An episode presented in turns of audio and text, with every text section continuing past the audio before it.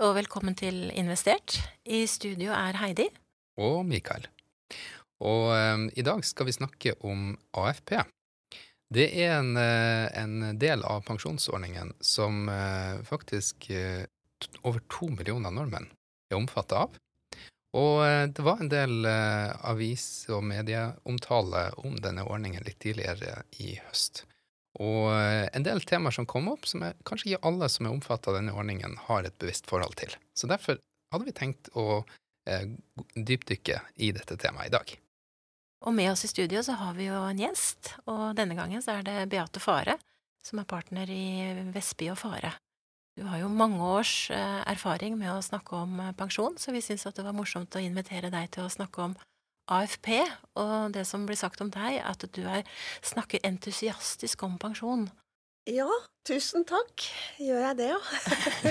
Eh, ja, jeg er også Beate Fare. Eh, halvparten av Vestby og Fare. Eh, vi Eh, jobber med pensjon og har gjort det sammen nå, Stina og jeg. Eh, Stina Vestby og Beate Fare.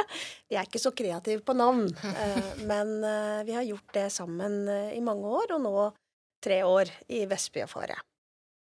Og der har vi mye Eller vi ser et stort behov for rådgivning rundt pensjon.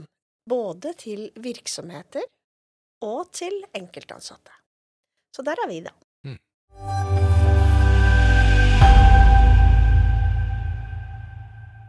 Før vi tar tak i debatten som var i oktober, så tror jeg vi må starte litt med noen grunnsteinsklosser i hva AFP er. Og det er i hvert fall et trepartssamarbeid, er det ikke det, mellom staten, eh, arbeidsgiverorganisasjonene og arbeidstakerorganisasjonene, på finansieringssiden i hvert fall. Det stemmer. Um, nå er det jo slik at uh, Mikael nevnte at det er to millioner nordmenn som har AFP. Uh, og da er det jo sånn at det er uh, alle i offentlig sektor, ca. en drøy million, de har AFP. 1,2 kanskje. De har en helt annen type finansiering. Så hvis vi holder dem unna, så er det jo da viktig, som du sier, finansieringen av den private AFP-en, som nå har vært debattert ganske mye den er mellom arbeidsgivere, eh, arbeidstakere og staten. Skal vi ta den offentlige først?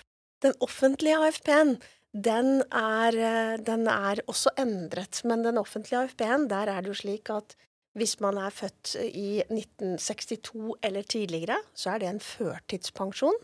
Så det må vi ikke blande inn i den debatten som nå går på denne tilleggspensjonen i privat sektor. Men også ansatte i offentlig sektor som er født fra og med 1963, de har nå fått en tilleggspensjon. Men der er eh, finansieringen Jeg vil jo ikke si ivaretatt helt, men den er iallfall mer basert på at man tar inn premie gjennom pensjonsordningen. Den hører til tjenestepensjonen.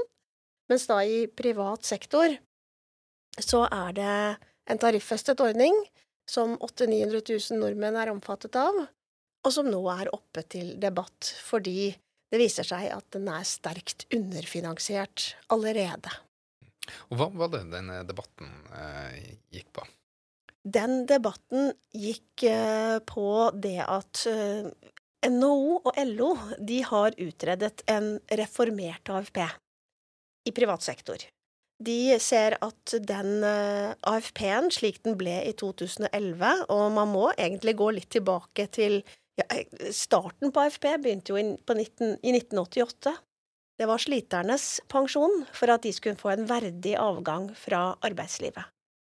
Og så har man endret det til en tilleggspensjon, og nå er det da Fellesforbundet som har sagt nei til en reformert AFP, for de har og kanskje med rette egentlig, sett at den private AFP-en, den har blitt noe helt annet enn hva den er. Det er ikke lenger en sliterpensjon, men en veldig god tilleggspensjon for de som orker å stå lenge i arbeid. Og det var jo ikke det den var opprinnelig ment å være. Og hva er utfordringen da med, i forhold til hvis du skulle se 10-15 år frem i tid? Ja, 10-15 år frem i tid så er utfordringene veldig store, sånn som private AFP nå eh, løper. Fordi da vil underdekningen være på 60 milliarder, slik de har estimert det. Og i dag så er det 29 milliarder i underdekning, og det er for de som har fylt 62 år allerede. Så det er jo en underdekning for de som allerede kan motta ytelse fra fellesordningen, som vi kaller det. Altså den private AFP-en. Så det er på en måte ikke underdekning som, som vi tenker det, det, ordner vi med f.eks. sånn som dere som driver med investeringer. Det ordner vi med å få litt bedre avkastning osv. Ja, noe av det, men 29 milliarder, det er skrekkelig mye penger. Er grunnen til noe av motstanden da at de er redd for å miste rettigheter de har i dag? Ja, grunnen til noe av motstanden er at den reformerte AFP-en, der forsøker man å si at nå skal du få en utbetaling basert på antall år du har jobbet i en AFP-bedrift, altså hvor det har vært tariffavtale om AFP. Og for de som da har jobbet 40 år med tariffavtale, eh, så er det greit. Da skal man få den samme ytelsen. Men det man ser, er jo at det er jo ikke alle som har tariffavtale hele livet. Og da kan du rett og slett få to arbeidstakere som begge blir 62 eller 63 år sam, hos samme arbeidsgiver, hvor den ene har hatt tariffestet eh, ordning i 40 år og får dobbelt så mye utbetalt som den, samme, den andre 62-åringen, som har bare hatt 20 år i den samme bedriften med tariffavtale. Slik at da vil jo ikke begge to, som begge er slitne, har råd til å slutte med pensjon. Det er noe av hovedgrunnen for utfordringene med den reformerte AFP-en. Er det her også vi får disse enkelthistoriene i media, på en måte som, eh, som kommer frem, at man akkurat ikke oppfylte vilkårene da, og hadde forventninger om å få AFP, og så blir du kanskje sagt opp rett før den reformerte AFP-en, den skulle ivareta de triste historiene mer. Altså ikke ivareta de i form av å videreføre de, men, men eh, hensynta det at da har du en opptjeningsrettighet, så du gjør at du får litt.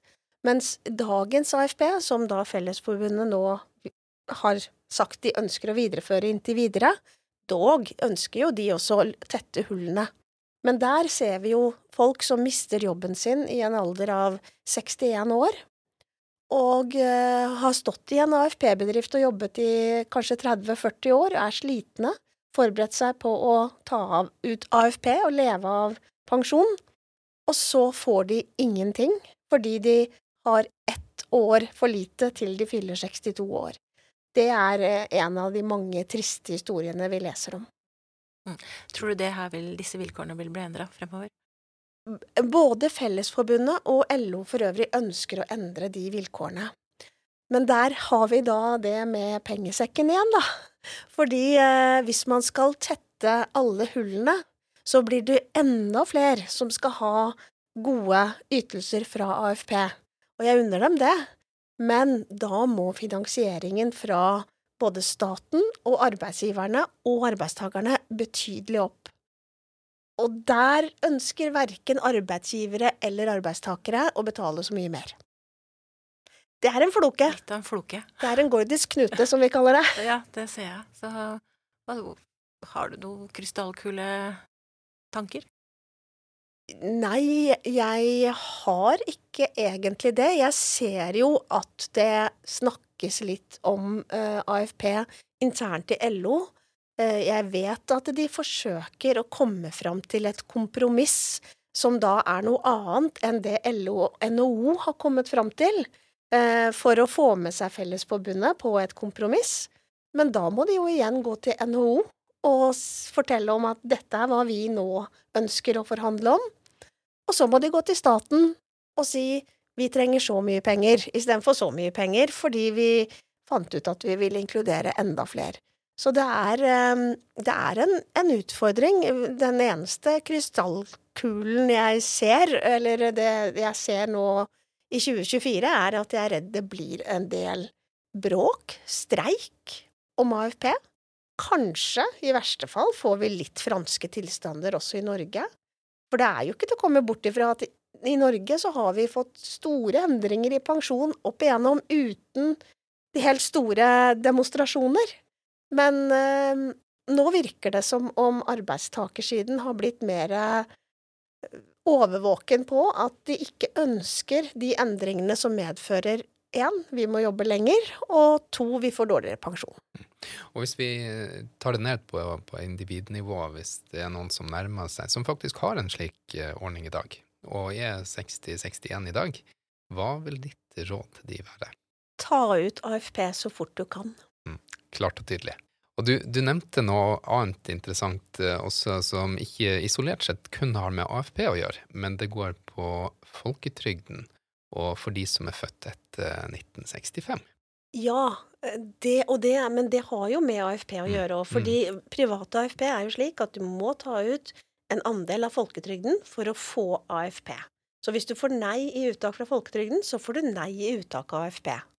Og vi har nå en eh, utredning eh, som kalles et, et, forbedret pensjonssystem, som skal gjøre Som skal komme nå i eh, proposisjonen til Stortinget, hvor vi får en økning i laveste uttaksalder. Det betyr at er du født i 1965, så kan du ikke ta ut pensjon når du er 62 år. Du må vente 62, til du er 62 år og to måneder, tre måneder kanskje. Og da betyr jo det at også AFP-en vil bli utsatt uttak på. Mm. Og det er nok ikke alle som har vært forberedt på, kanskje i hvert fall ikke de som er født i 1965 og har begynt å planlegge uttak ved 62. Nei. Det er kanskje ikke alle som er enig i at det er forbedret. Nei, det du, har du helt rett i. Det er flere som har kommentert det. Nå heter NOU-en Et forbedret pensjonssystem, eh, så det var derfor jeg, jeg nevnte det. Men jeg har hørt det sagt før, ja. Forbedring for hvem, mm. har vært spørsmålet. Det rimelig spørsmål.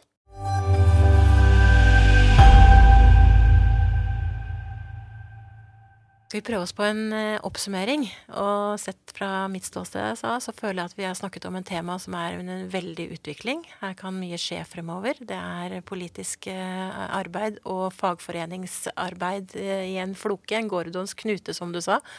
Og vi har problemer med finansieringen. Så her må vi bare fortsette å følge med. Og det er jo et fryktelig spennende tema, og som berører da to millioner mennesker i Norge.